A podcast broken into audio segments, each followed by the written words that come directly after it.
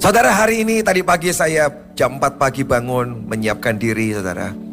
Dan saya bersyukur ketika pagi hari saya bangun. Tiba-tiba saya dengar Tuhan berkata-kata dalam hati dan dia berkata. Pagi ini surga juga sedang berpesta. Amin. Pagi ini surga sedang berpesta. Saudara karena kita tahu hari ini adalah pestanya Tuhan. Hari rayanya Tuhan. Amin. Passover, Pasca itu hari rayanya Tuhan. Dari hari Jumat, Sabtu dan Minggu pagi ini adalah hari rayanya. Dan saya berpikir cuma bumi yang merayakan hari ini. Saya berpikir cuma gereja Tuhan yang merayakan. Tapi tadi pagi ketika jam 4 pagi saya bangun, dia berkata dengan jelas, hari ini surga juga sedang merayakan, amin. Surga sedang merayakan, amin. Berikan tepuk tangan buat Tuhan yang paling baik, saudara. Hari ini hari yang ajaib. Surga dan bumi sedang merayakan sebuah perayaan yang ajaib. Amin. Sebab dia berkata, ini hari yang sangat menyenangkan, membahagiakan. Hari yang sangat membuat Tuhan excited hari ini. Hari Paskah. Dan dia ingat pengalamannya 2023 tahun yang lalu. Dia ingat pengalamannya. Pengalaman yang sangat ajaib. Dan Tuhan berkata, buka, buka Alkitab, buka Alkitab, buka Alkitab. Dan aku pengen bersaksi. Tuhan bersaksi saudara. Seringkali kita gak bersaksi. Tapi tiba-tiba Tuhan berkata, aku pengen cerita pengalamanku 2023 tahun yang lalu pengalamanku. Yang aku alami. Saya bilang Tuhan cerita. Dan ayat demi ayat dia berikan di Alkitab. Wow, luar biasa. Tuhan cerita pengalamannya. Dan pagi ini berkata, aku cerita di surga. Semua rahasia. Sebab malaikat-malaikat gak tahu cerita ini. Hanya Tuhan Yesus dan Bapaknya yang mengerti seluruh perjalanan cerita yang sangat ajaib. Cerita tentang penebusan itu. Dan dia berkata Jumat Agung. Itu hari yang sangat mengerikan bagi aku. Sebab hari itu aku disiksa hancur tubuhku. Aku dimaki-maki. Diludain hari Jumat Agung. Dan hari itu aku disalibkan Kengerian yang sangat besar aku alami. Tanganku dipaku. Kakiku dipaku. Kepalaku diberikan mahkota duri. Dan aku dipermalukan. Itu hari yang sangat mengerikan kata Tuhan.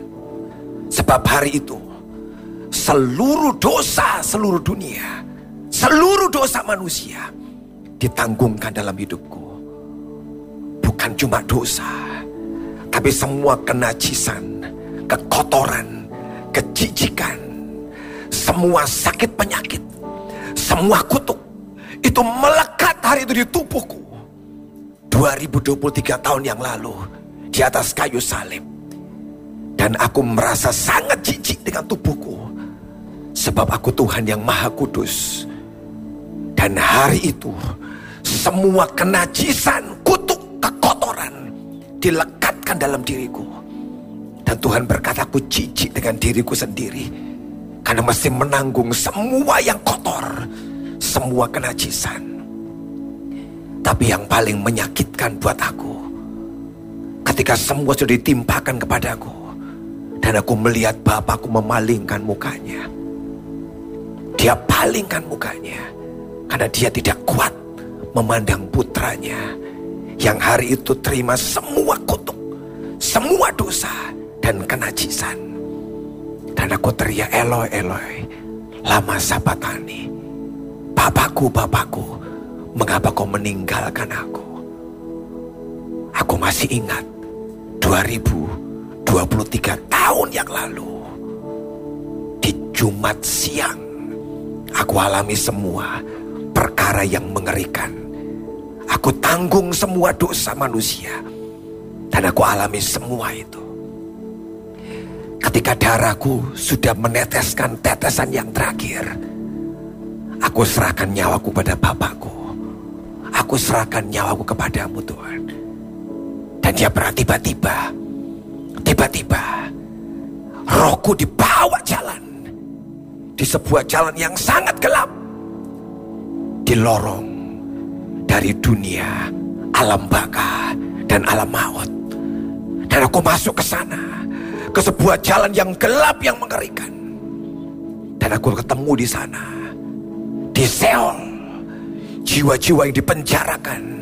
Di gua-gua di penjara-penjara yang mengerikan. Dan aku masuk ke sana.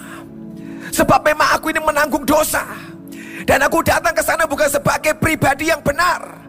Aku menanggung semua dosa. Dan aku masuk ke dunia yang paling bawah. Di alam baka. Di alam maut yang paling bawah, yang paling mengerikan. Sebab aku datang ke sana sebagai pribadi yang menanggung dosa. Lalu aku lihat penjara demi penjara. Jiwa-jiwa yang tersiksa di sana. Dan setan ketawa melihat aku ada di sana. Sebab setan berkata, sekarang kami punya satu lagi. Orang yang kita penjarakan di dalam penjara-penjara Seol. Di dalam penjara-penjara alam maut kita punya satu lagi. Dua hari aku di dalam sana. Di dalam penjara yang setan pikir kami punya satu lagi orang kami penjarakan di sini dan dia gagal dan dia gagal. Kami tiba-tiba di hari yang ketiga ada sebuah kuasa yang mengalir dari surga. Itulah kuasa kebangkitan yang tiba-tiba dari surga menyambar turun ke neraka dan masuk dalam diriku dan tiba-tiba roh kebangkitan ada dalam hidupku dan aku membuka setiap penjara-penjara di Seoul. Aku buka semua penjara di sana dan semua tawanan di sana aku lepaskan. Orang-orang yang ada pada zaman manusia diciptakan yang pertama kali.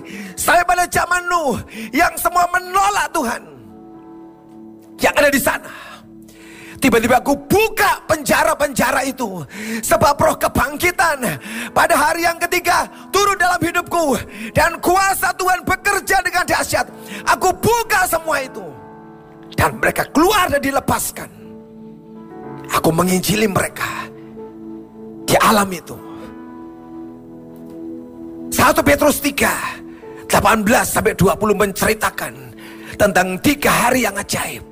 Dia masuk ke alam maut dan dia buka semua penjara-penjara. Dan ketika roh kebangkitan itu masuk dalam pribadiku Dan aku membuka semua penjara-penjara Dan aku memindahkan setiap jiwa-jiwa Dari kegelapan Dari kegelapan di dalam penjara dan gua-gua Di bawah alam maut Yang gelap aku pindahkan. Sebab kuasa kebangkitan mengalir Aku pindahkan mereka Dari gelap kepada terang yang ajaib. Aku pindahkan jiwa-jiwa. Masuk ke tempat terang yang ajaib itu dan tiba-tiba kuasa kebangkitan itu yang di dalamku nyedot aku balik kembali. Dan aku balik kembali ke kuburan di Yerusalem. Di goa itu dan gempa bumi besar terjadi. Batu digeser. Aku kembali ke tubuhku yang sudah mati itu. Dan aku hidup kembali. Dan aku bangkit. Tentara-tentara Romawi yang menjaga kubur adalah saksi. Mereka melihat malaikat datang dan aku keluar dengan tubuh daging, tubuh kemuliaan yang sudah diubah itu. Mereka lihat dengan mata mereka. Dan aku 40 hari keliling ke seluruh kota. Tunjukkan pribadiku bahwa aku bangkit. Dan bukti bahwa aku membebaskan para tawanan ketika aku sudah bangkit keluar dari kubur itu ada begitu banyak ratusan ribuan orang-orang kudus yang di Matius 27 ayat 53 mencatat mereka keluar dari kubur dan menunjukkan diri mereka kepada seluruh penduduk kota Yerusalem. Waktu aku bangkit yang pertama karena akulah kebangkitan yang sulung dan semua orang-orang kudusku ikut bangkit bersama dengan aku. Tapi Alkitab mencatat hanya orang-orang kudus yang menunjukkan pribadinya. Tapi orang-orang yang pernah menolak, yang diinjili, tidak bisa muncul. Mereka cuma dipindahkan saja. Tapi mereka tidak menunjukkan dirinya. Tapi khusus orang-orang kudus, mereka bisa keluar dari kuburan itu dan menunjukkan pribadinya pada seluruh penduduk Yerusalem. Betul sama-sama dipindahkan. Tapi spesial dikatakan orang-orang kudusnya menampakkan dirinya. Orang bisa lihat di Yerusalem orang-orang kudus yang pernah hidup untuk Tuhan. Muncul semuanya. Ada Nuh di sana. Ada Daniel. Ada Adam yang sudah diubah hidupnya. Muncul di sana. Dan masih banyak lagi orang-orang kudus menyaksikan mereka muncul. Ada Abraham yang muncul di sana semua. Sebab mereka adalah orang-orang kudus yang hidupnya spesial buat Tuhan. Setan berpikir dia menang. Tapi hari yang ketiga, kuasa roh itu masuk dalam hidupku. Roh kebangkitan. Dan itu yang membuat perubahan yang dahsyat, ajaib. Dan aku sedang menggoncang neraka. 2023, tahun yang lalu. Aku menggoncang neraka. Sebab aku masuk ke dalamnya dan melepaskan para tawanan. Dan kuasa kebangkitan itu belum selesai sampai sekarang. Dia masih kerja. Dia menggoncang kerajaan setan di bumi ini. Amin. Dia goncang. Dan dia sedang memindahkan lebih banyak lagi jiwa dari kegelapan kepada terangnya yang ajaib. Kalau surga hari ini begitu excited. Begitu bergairah surga hari ini. Sebab peristiwa 2023 tahun yang lalu ada perbuatan ajaib terjadi. Apakah gereja Tuhan hari ini masih bersemangat, masih bergairah? Amin. Apakah hari ini jadi perayaan yang sangat ajaib buat kita hari ini? Sebab kita tahu sebab engkau sudah mati dan bangkit dari kematian Tuhan. Hari ini hidupku diubahkan oleh Tuhan. Tapi hari ini saya berdoa. Tidak ada orang yang hatinya seperti murid-murid Tuhan. Yang kita buka dalam Markus 16 ayat 14. Markus 16 ayat 14.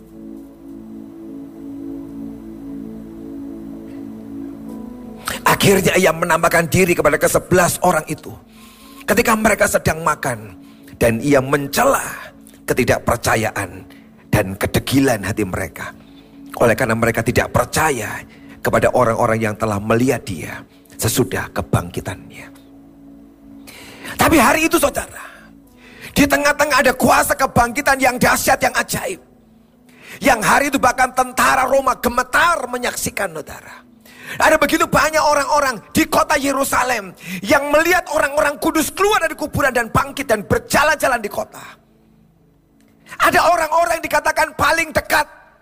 Sebelas orang murid yang selama ini berjalan bersama dengan Tuhan, yang melihat mujizat Tuhan, Orang yang mendengar perkataan Tuhan, anak manusia akan disiksa dan diserahkan dan pada hari ketiga dia akan bangkit dari kematian. Orang yang mendengar banyak, orang yang pernah jalan bareng Tuhan Yesus. Tuhan mengecam, mengkritik dengan keras berkata, "Mengapa aku mengecam engkau? Sebab engkau tidak percaya dan hatimu degil. Aku mencela engkau." Bagaimana mungkin kau saudara? Orang yang bersama-sama dengan dia sendiri. Bisa hari itu tidak percaya akan kebangkitan Tuhan. Dan bukan cuma gak percaya dikatakan hati mereka degil. Apa itu stubborn. Hati mereka keras. Dan tetap berkata dia tidak bangkit. Saudara inilah roh yang mesti kita perangi sampai hari ini saudara. Yaitu roh ketidakpercayaan dan roh kekerasan hati.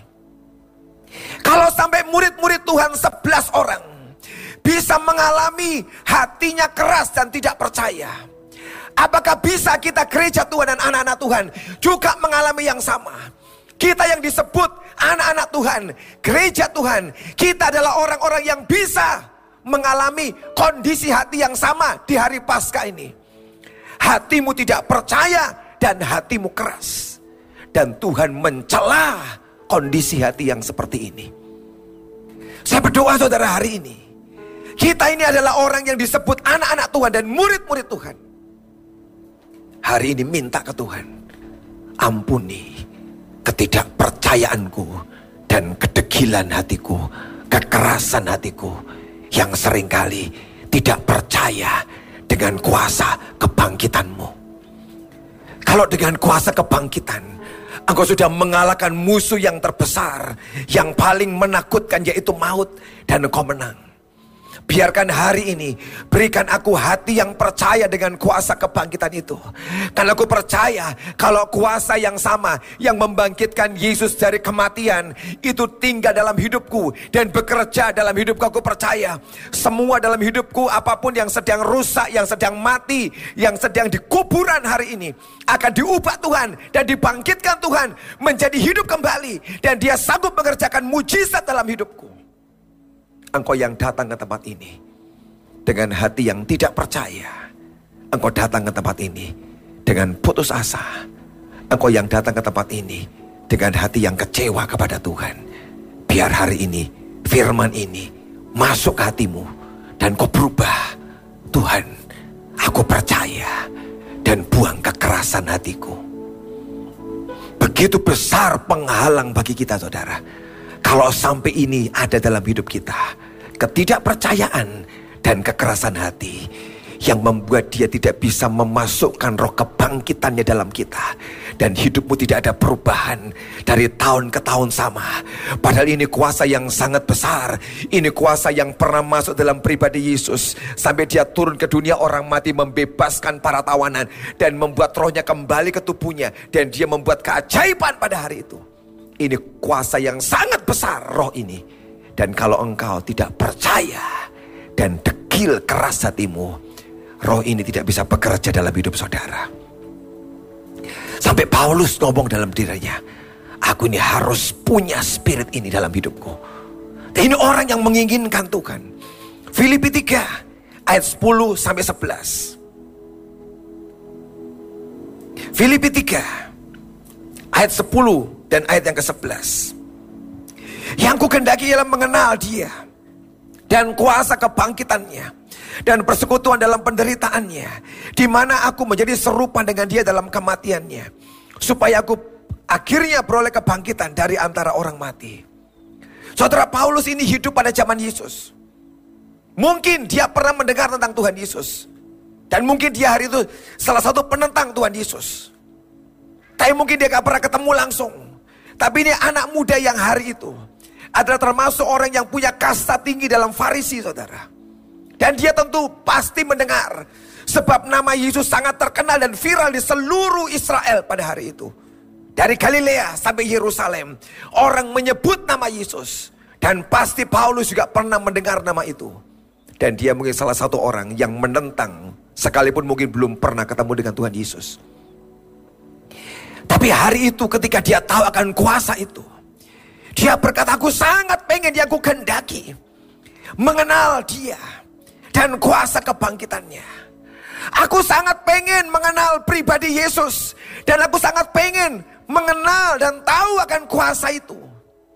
Sebab Paulus tahu dalam hidup orang Farisi ini ada sebuah revelation yang saya pernah khotbah dua minggu lalu mungkin tentang roh pewahyuan yang begitu disingkapkan membuat mata hatimu terang dan roh ini, roh pewahyuan turun dalam hidup Saulus waktu itu.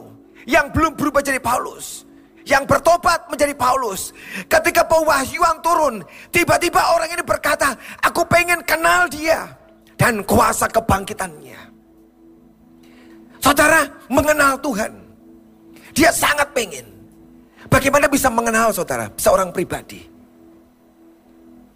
Kalau orang itu dekat dan orang itu mulai berbicara. Orang itu bergaul. Maka orang itu bisa mengenal.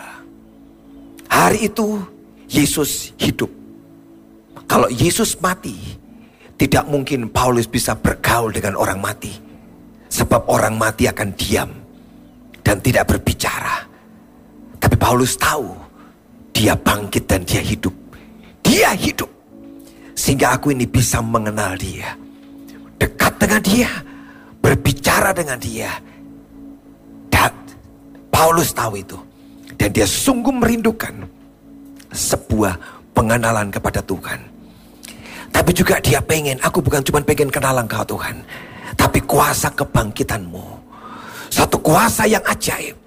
Sebuah pengalaman berjalan dengan Tuhan. Sebuah pengalaman keajaiban berjalan dengan Tuhan. Aku sangat pengen.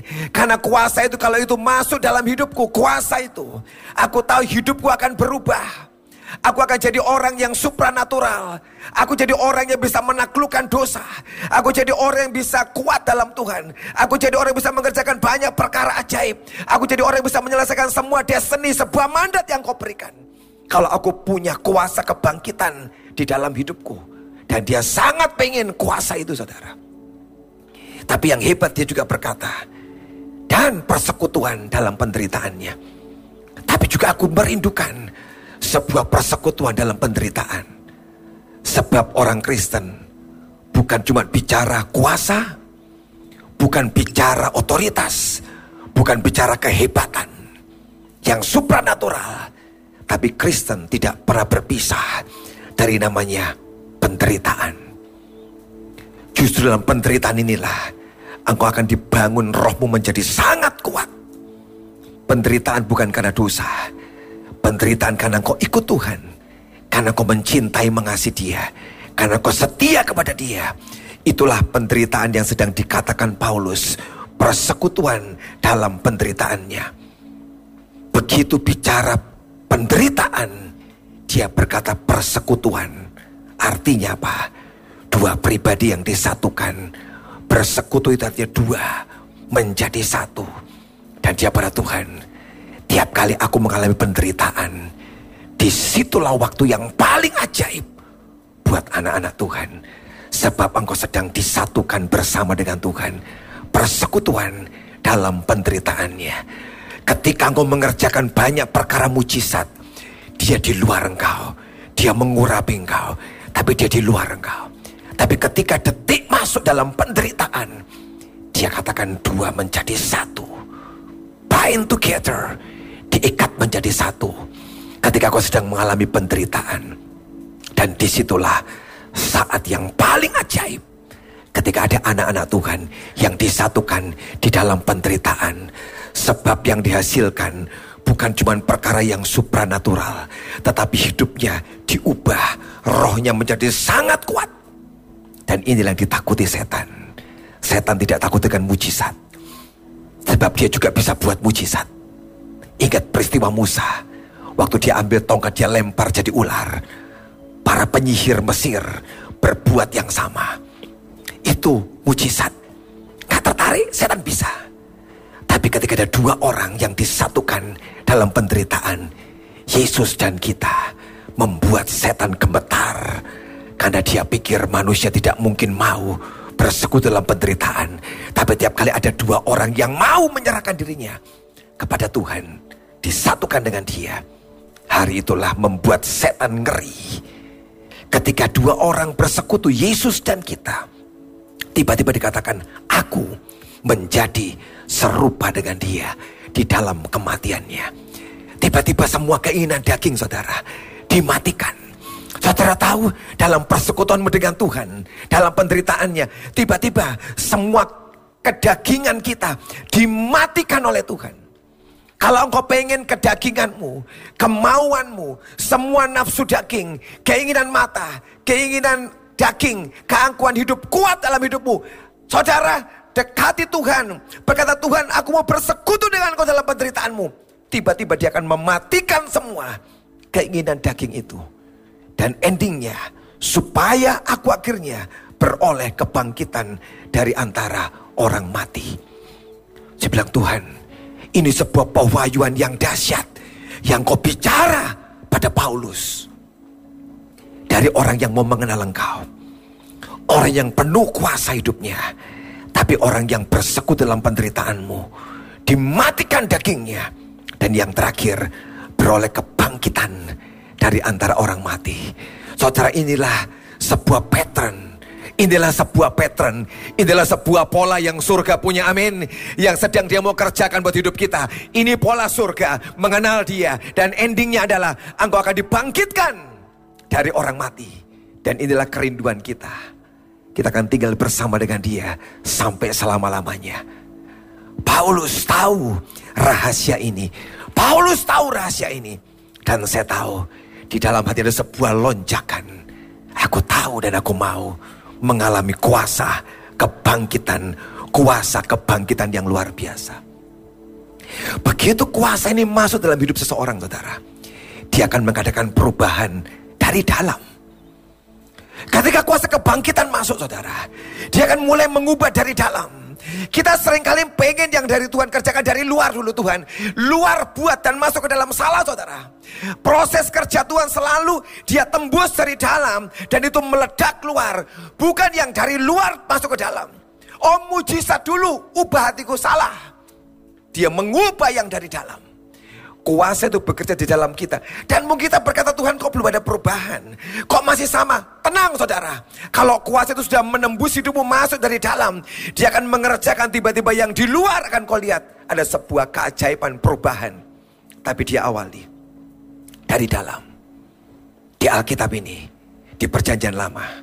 Ada orang-orang yang pernah mengalami hebatnya kuasa kebangkitan.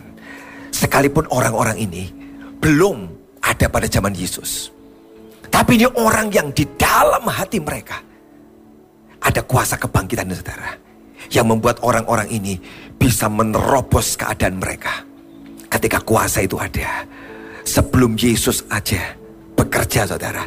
Kalau kuasa yang dari surga turun dalam hati orang. Orang itu bisa berubah. Apalagi hari ini. Setelah Yesus menyatakannya. Betapa lebih besarnya lagi porsi kuasa itu yang dia masuk ke dalam hidup kita.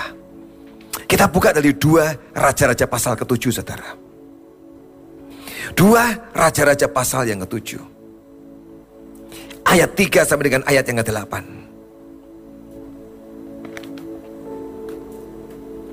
Empat orang yang sakit kusta ada di depan pintu gerbang.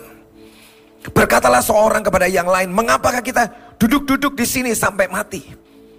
Jika kita berkata baiklah kita masuk ke kota. Padahal dalam kota ada kelaparan, kita akan mati di sana. Dan jika kita tinggal di sini, kita akan mati juga. Jadi sekarang marilah kita menyeberang ke perkemahan tentara Aram. Jika mereka membiarkan kita hidup, kita akan hidup. Dan jika mereka mematikan kita, kita akan mati. Lalu pada waktu senja, bangkitlah mereka. Saya suka waktu saya menemukan kata ini saudara. Lalu pada waktu senja bangkitlah mereka masuk ke tempat perkemahan orang Aram. Tetapi ketika mereka sampai ke pinggir tempat perkemahan orang Aram itu, tampaklah tidak ada orang di sana. Sebab Tuhan telah membuat tentara Aram itu mendengar mendengar bunyi kereta, bunyi kuda, bunyi tentara yang besar. Sehingga berkatalah yang seorang kepada yang lain, sesungguhnya Raja Israel telah mengupah raja-raja orang Het dan raja-raja orang Misraim melawan kita supaya mereka menyerang kita. Karena itu bangkitlah mereka melarikan diri daripada waktu senja dengan meninggalkan kemah dan kuda dan keledai mereka. Setelah tempat perkemahan itu dengan begitu saja mereka melarikan diri menyelamatkan nyawanya. Ketika orang-orang yang sakit kusta itu sampai ke pinggir tempat perkemahan, masuklah mereka dalam sebuah kemah lalu makan dan minum.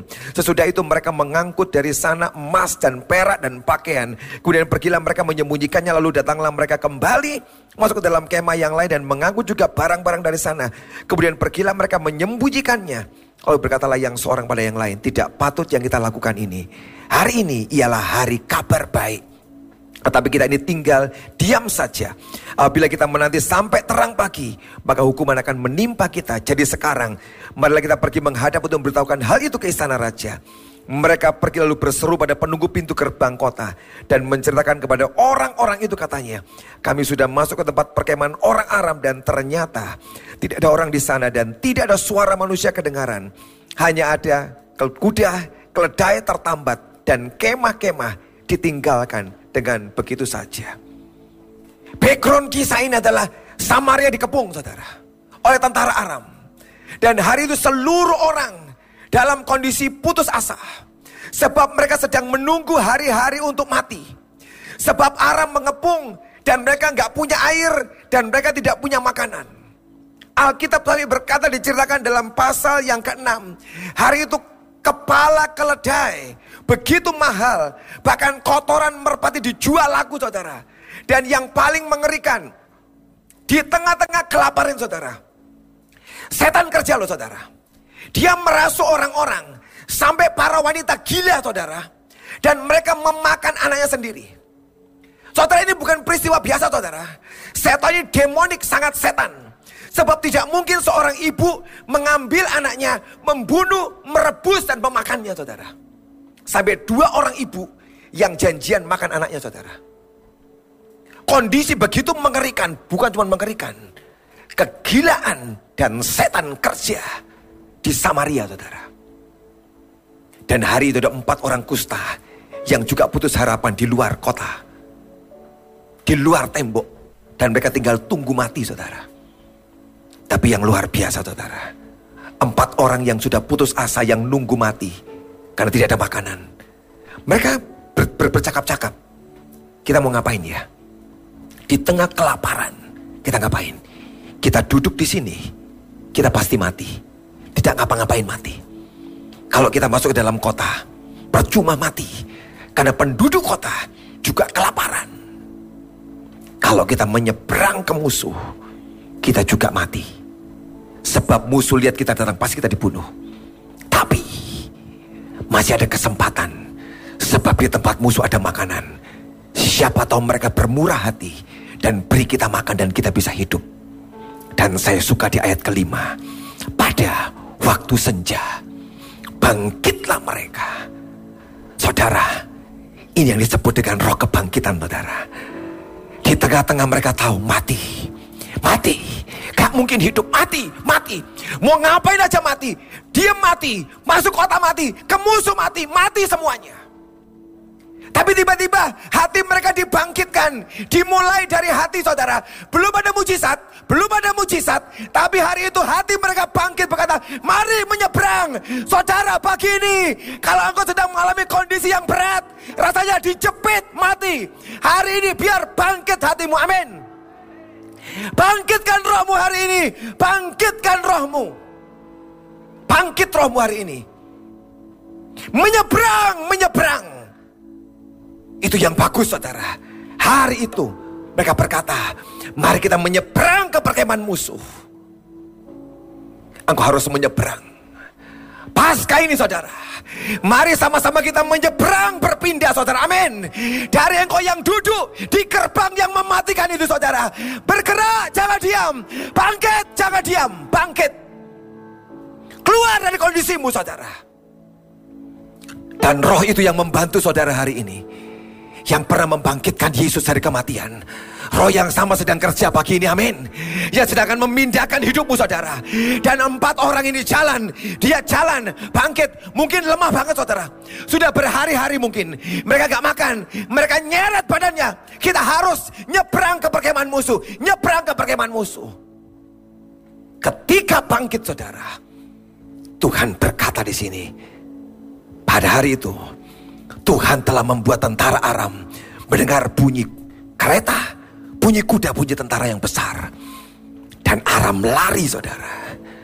Ketika empat orang kusta yang hidupnya nggak punya harapan lagi.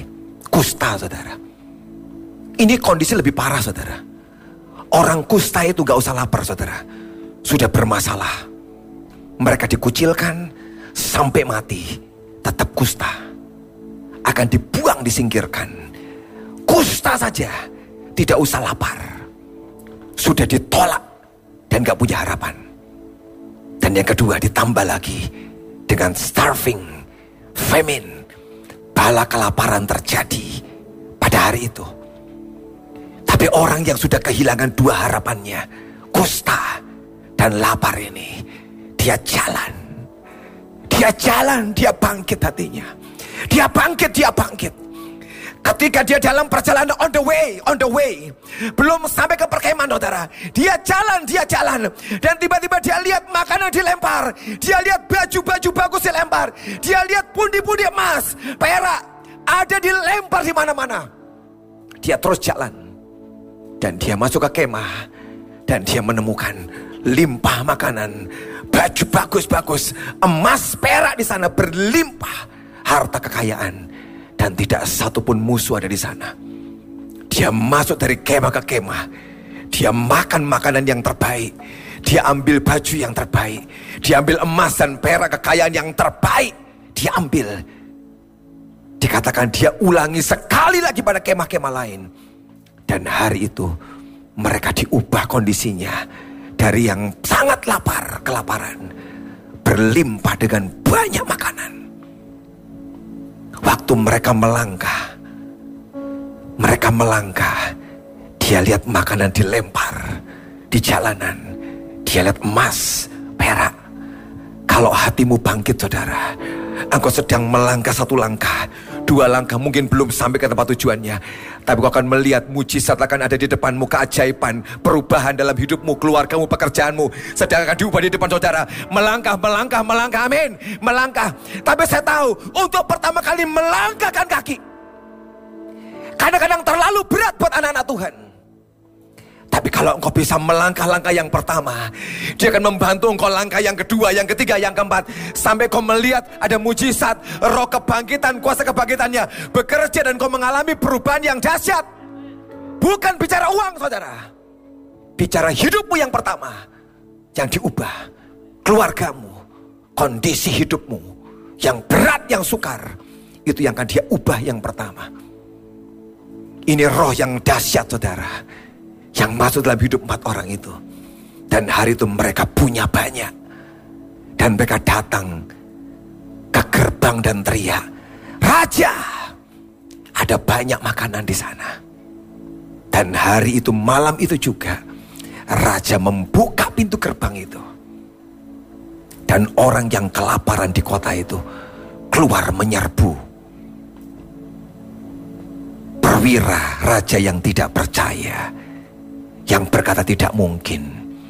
Sebab dia tidak percaya dengan perkataan sang nabi yang berkata besok pada jam yang seperti ini besok pada jam yang seperti ini tepung yang terbaik akan sangat murah di gerbang Samaria. Dan perwira sang penentang berkata tidak mungkin. Sekalipun Tuhan membuka tingkap-tingkap langit, tidak mungkin terjadi. Dan Nabi berkata, kamu akan lihat, tapi kamu tidak mengalami. Kita balik ke tadi ayat yang Yesus ngomong kepada murid-muridnya. Aku mencela engkau sebab ketidakpercayaanmu dan kedegilan hatimu. Perwira yang menjaga gerbang Samaria tidak percaya dan degil hatinya. Matanya lihat tepung dijual sangat murah. Tapi dia tidak pernah makan tepung itu. Sebab dia mati terinjak-injak di gerbang Samaria. Ketidakpercayaan, kedegilan merusak hidup kita saudara. Tapi hari ini hari kebangkitannya. Buang semua kedegilan dan ketidakpercayaanmu. Dan jadilah seperti orang kusta ini. Yang hari itu bangkit hatinya. Aku jalan, aku jalan, aku jalan. Dan dia lihat tiba-tiba Tuhan gerak dan menyingkirkan semua pasukan Aram. Kok bisa tepat waktunya? Kalau hari itu Aram masih ada mungkin mereka mati. Kok bisa pas ya? Mereka sedang melangkah dan Tuhan membuat kerusuhan di perkemahan Aram.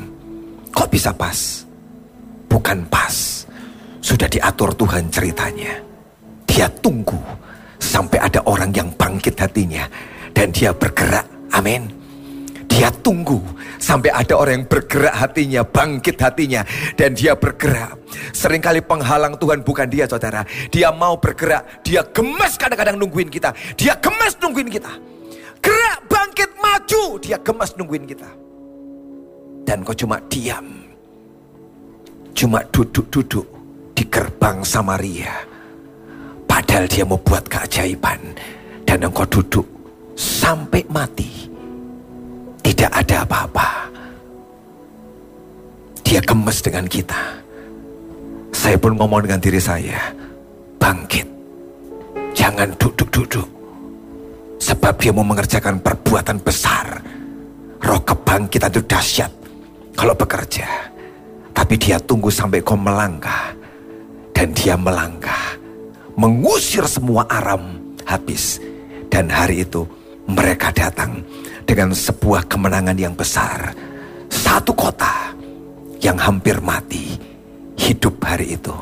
Betul nubuatannya. Dengar firman itu saudara. Dahsyat. Nubuatan turun dari Tuhan. Yang percaya mengalami. Tapi yang tidak, yang dekil hatinya. Dia lihat, tidak mengalami.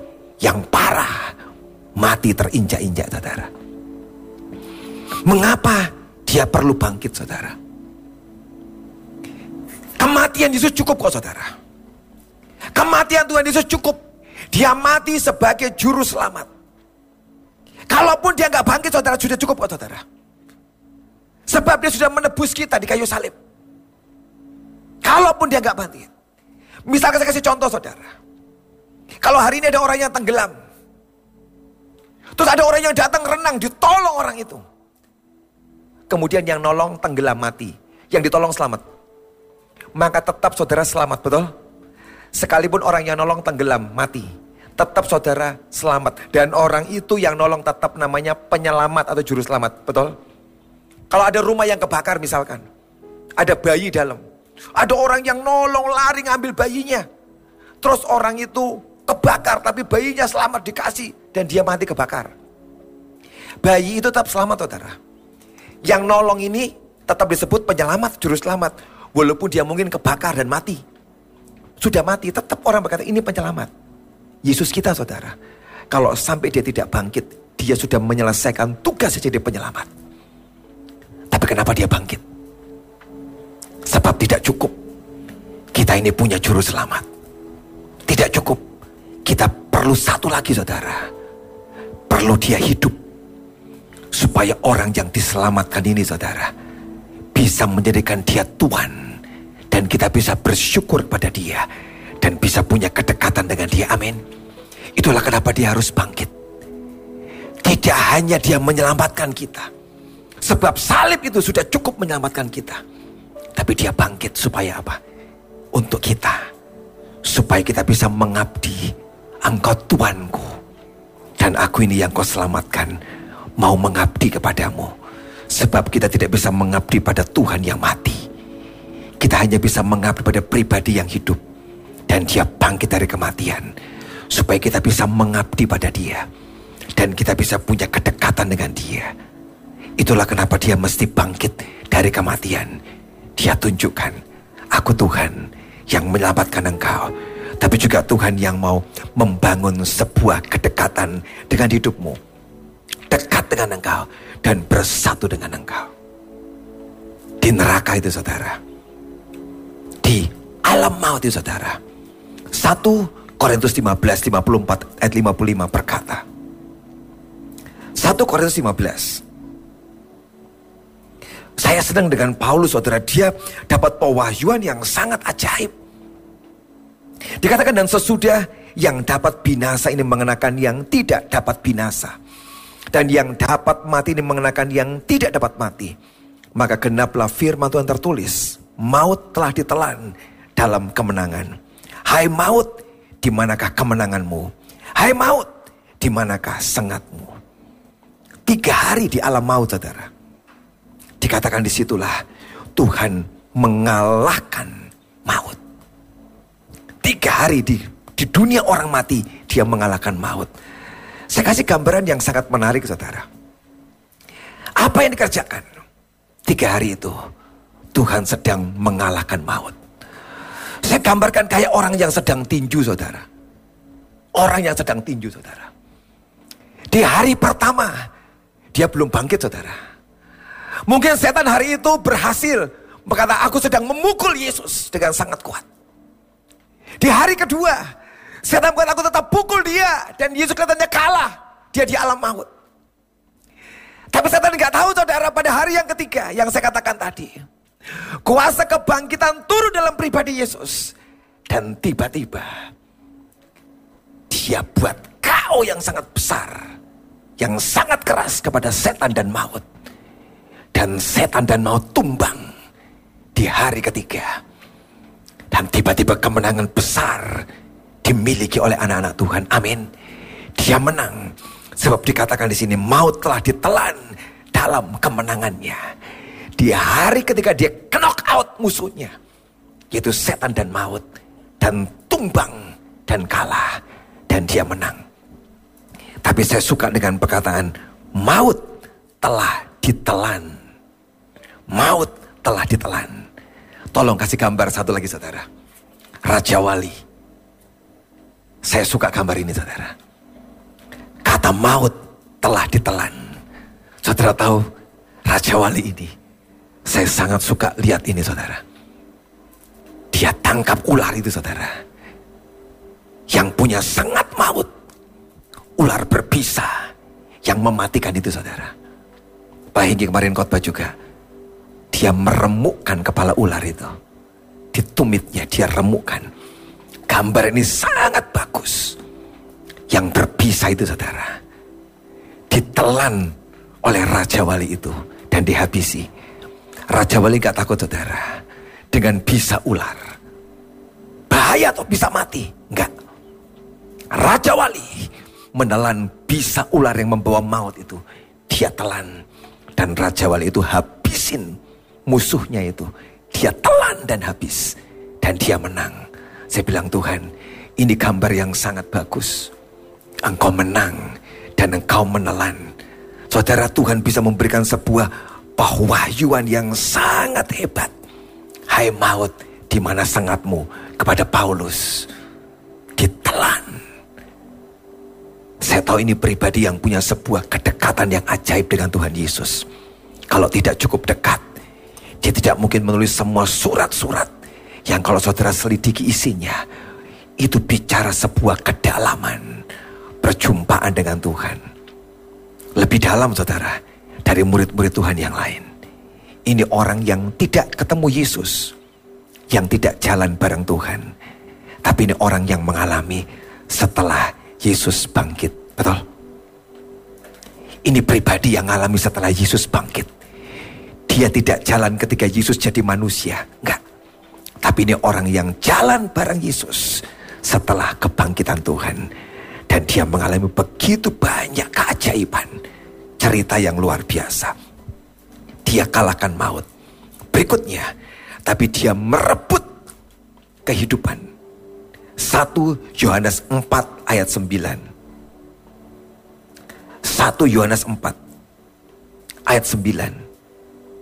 Dalam hal inilah kasih Allah dinyatakan di tengah-tengah kita. Yaitu bahwa Allah telah mengutus anak yang tunggal ke dalam dunia. Supaya kita hidup olehnya. Di alam maut. Dia bukan cuma mengalahkan maut. Dan dia menang. Tapi dia juga merebut kehidupan. Untuk siapa? Dia berikan kepada anak-anak yang dia kasihi, yang dia cintai. Merebut kehidupan. Steve tolong ke sini Steve, bantuin saya Steve. Maju ke sini Steve. Oh Pak Hasto aja, Pak Hasto aja.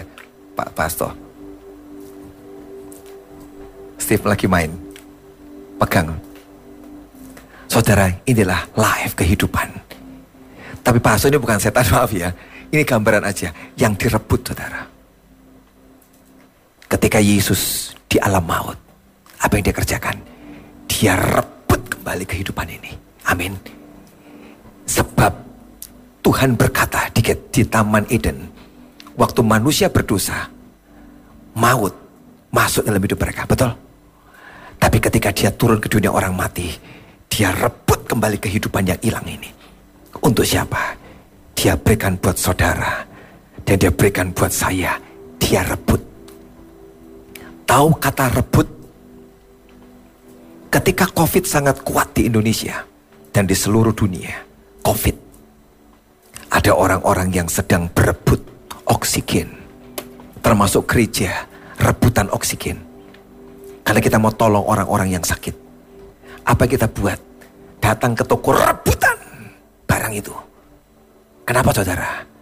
Sebab kita tahu oksigen ini menolong orang yang lagi sesak napas yang sakit keras itu loh. Supaya bisa bertahan hidup. Saudara tahu, Yesus kerjakan. Dia rebut kehidupan. Rebut kehidupan.